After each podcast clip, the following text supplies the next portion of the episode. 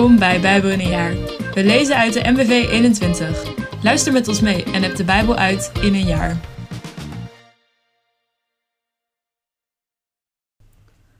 Hallo allemaal, Josephine hier. Het is vandaag 10 januari en ik ga vandaag voor jullie lezen Psalm 7, vers 10 tot 17, Genesis 21, Genesis 22, Genesis 23, Matthäus 8, uh, vers 23 tot 34 en Matthäus 9, vers 1 tot 13. Psalm 7, vers 10 tot 17. Doe mij recht, Heer, ik ben onschuldig. Mij treft geen blaam. Roep de goddeloze een halt toe en wees de rechtvaardige tot steun. U die hart en nieren doorgrondt, bent een rechtvaardige God. God is het schild dat mij beschermt. Hij bevrijdt de oprechte van hart. God is een rechtvaardige rechter. Hij bestraft het kwaad elke dag.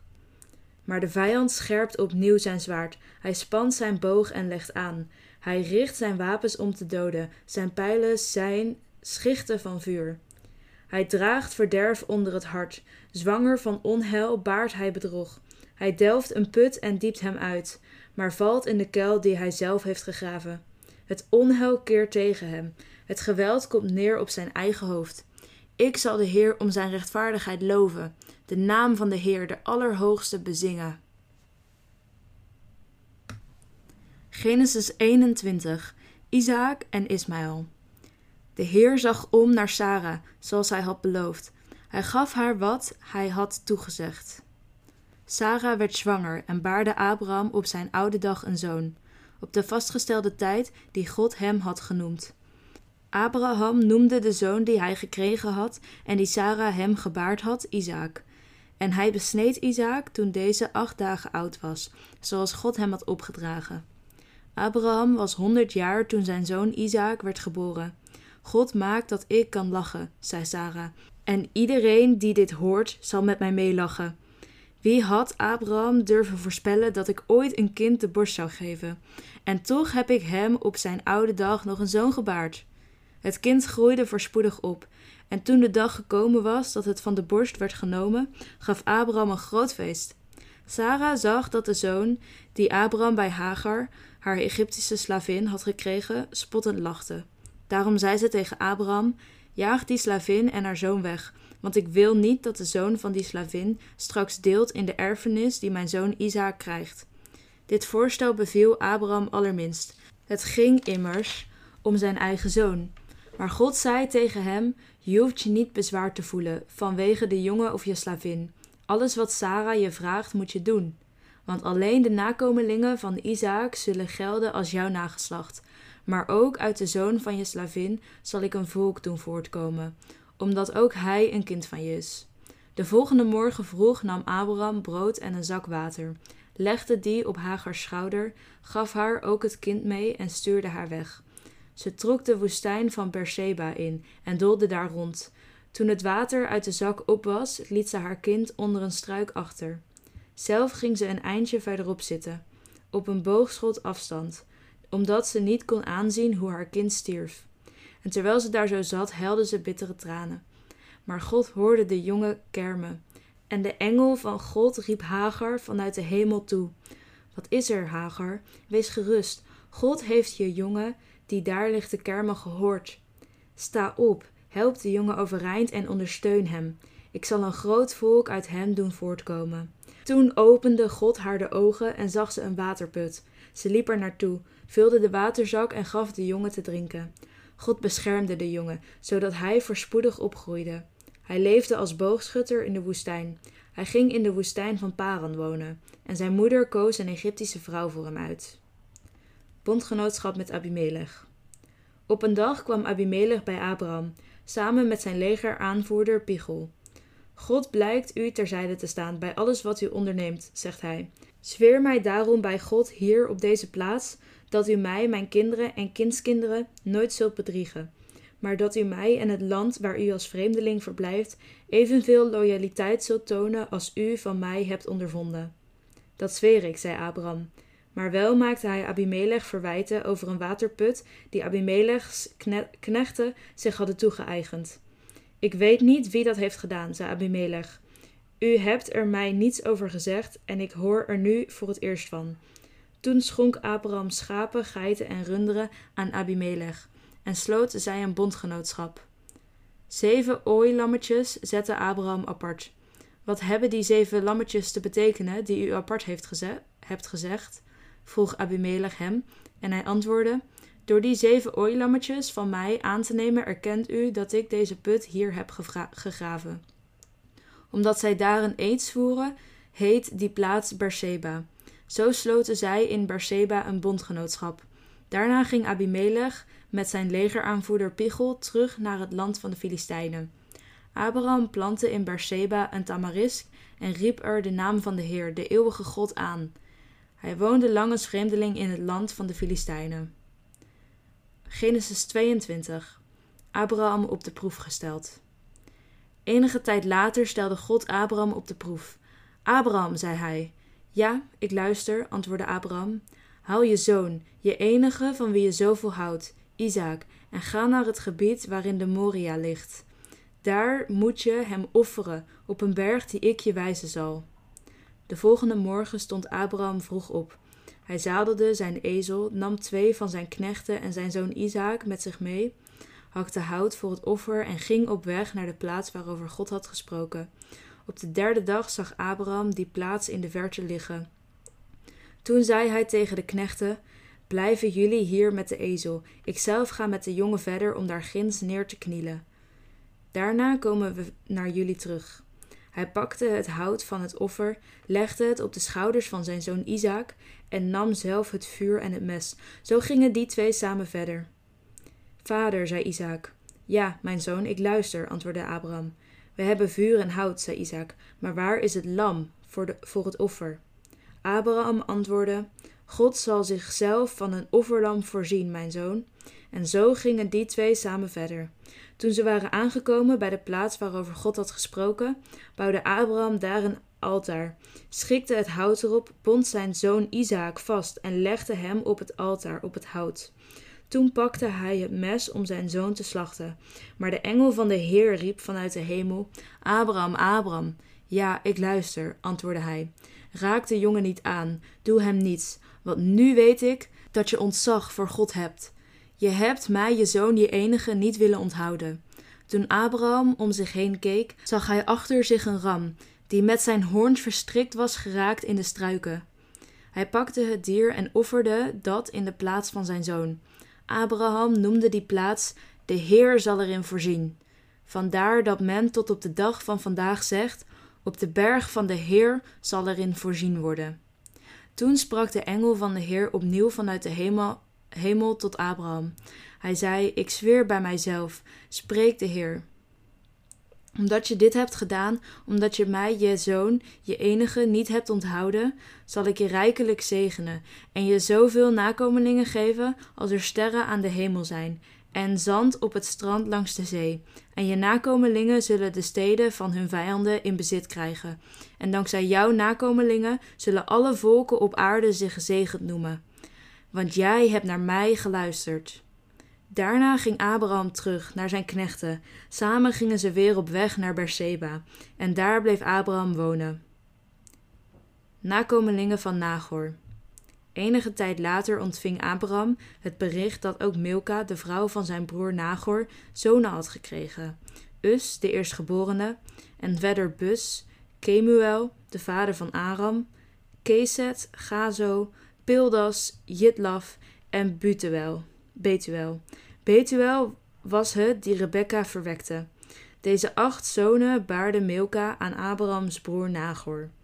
Ook zijn bijvrouw, die Re Reuma heette, bracht kinderen ter wereld. Tebach, Gacham, Tagas en Maga, Maaga. Genesis 23. Koop van een familiegraf.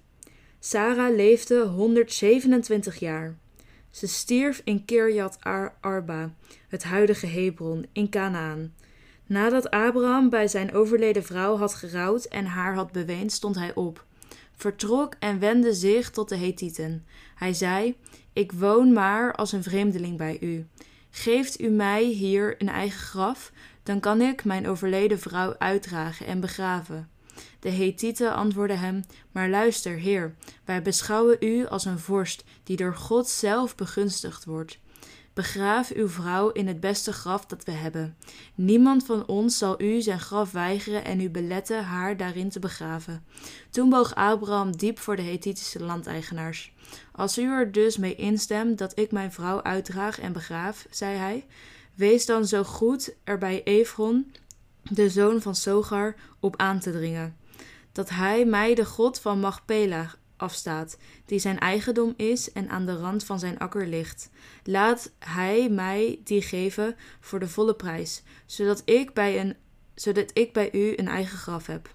Onder de Hethieten die daar zaten bevond zich ook Efron zelf, zo luid dat alle die in de stadspoorn bijeen waren gekomen het konden horen, zei hij tegen Abraham: Geen sprake van, heer, luister, die akker schenk ik u, en ook de God die erop ligt. Ten overstaan van mijn volksgenoten geef ik u die. U kunt uw vrouw daarin begraven. Abraham boog diep voor de landeigenaars. En terwijl iedereen toehoorde, antwoordde hij Efron: Als u werkelijk. Maar luistert u toch naar wat ik voorstel. Ik wil de prijs betalen die de akker waard is. Neemt u dat geld toch van mij aan en laat mij er mijn vrouw begraven. Toen zei Efron tegen Abraham: Ach, luister, heer, een stuk grond van 400 shekel zilver. Wat betekent dat nu voor mij of voor u? U kunt er gerust uw vrouw begraven. Abraham ging hierop in en woog de hoeveelheid zilver af die Efron in het bijzijn van de andere Hethieten had genoemd, 400 shekel zilver naar de gangbare handelswaarde. Zo ging de akker van Efron in Machpela in de buurt van Mamre met de grot en met alle bomen op dat stuk land als rechtmatig eigendom over op Abraham, ten overstaan van alle Hethieten die in de stadspoort aanwezig waren. Daarna begroef Abraham zijn vrouw Sara in de grot op de akker in Machpela, dicht bij Mamre, het huidige Hebron, in Canaan. Zo gingen het stuk grond en de daarop gelegen grot van de Hethieten over op Abraham, en kwam hij in het bezit van een, van een eigen graf. Het Nieuwe Testament, um, Matthäus 8, vers 23 tot 34. Naar de overkant van het meer. Hij stapte in de boot en zijn leerlingen volgden hem. Plotseling begon het meer enorm te kolken, zodat de boot bijna door de golven werd verzwolgen. Maar Jezus sliep. Ze maakten hem wakker en riepen: Red ons, Heer, we vergaan. Hij zei tegen hen: Waarom zijn jullie zo angstig, kleingelovigen? Toen stond hij op en sprak de wind en het water bestraffend toe, en het meer kwam geheel tot rust. De mensen stonden verbaasd en zeiden: Wat is dit toch voor iemand, dat zelfs de wind en het water hem gehoorzamen? Toen hij aan de overkant in het gebied van de Gadarenen kwam, liepen hem vanuit de grafspelonken twee bezetenen tegemoet. Ze waren zo gevaarlijk dat niemand daar langs kon gaan. Ze begonnen te schreeuwen en te roepen: Wat hebben wij met jou te maken, zoon van God? Ben je hier gekomen om ons pijn te doen, nog voordat de tijd daarvoor is aangebroken? Een eind verderop werd een grote kudde varkens gehoed. De demonen smeekten hem: Als je ons uitdrijft, stuur ons dan naar die kudde varkens. Hij antwoordde hun: Vooruit! Ze verlieten de twee mannen en trokken in de varkens.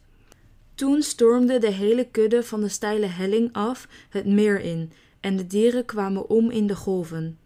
De varkenhoeders sloegen op de vlucht, en toen ze in de stad kwamen, vertelden ze alles, ook wat er met de bezetenen gebeurd was.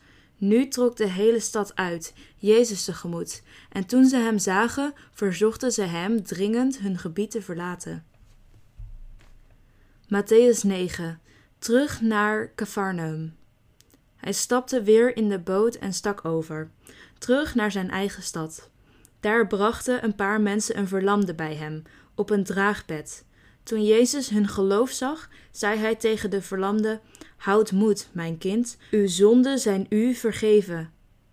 Daarop zeiden enkele schriftgeleerden bij zichzelf: Die man slaat godlasterlijke taal uit.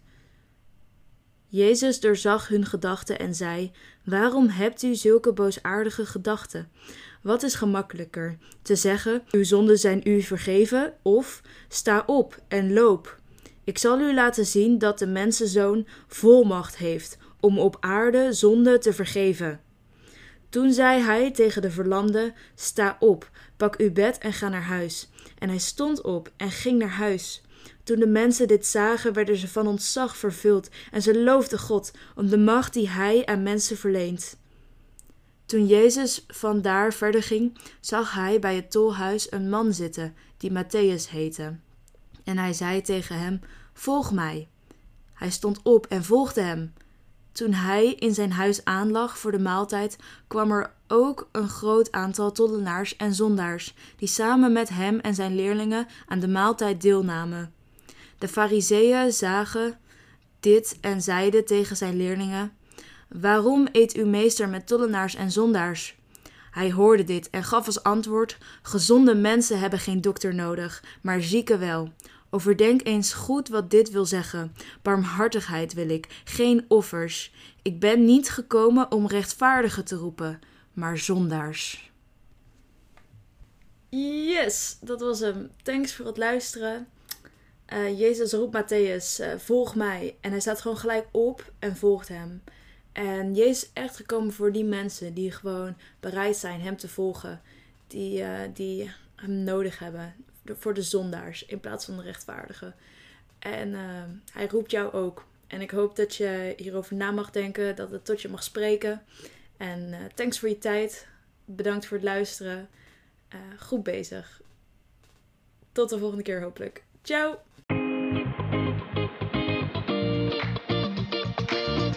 Bedankt voor het luisteren allemaal. Nog een gezegende dag en tot morgen.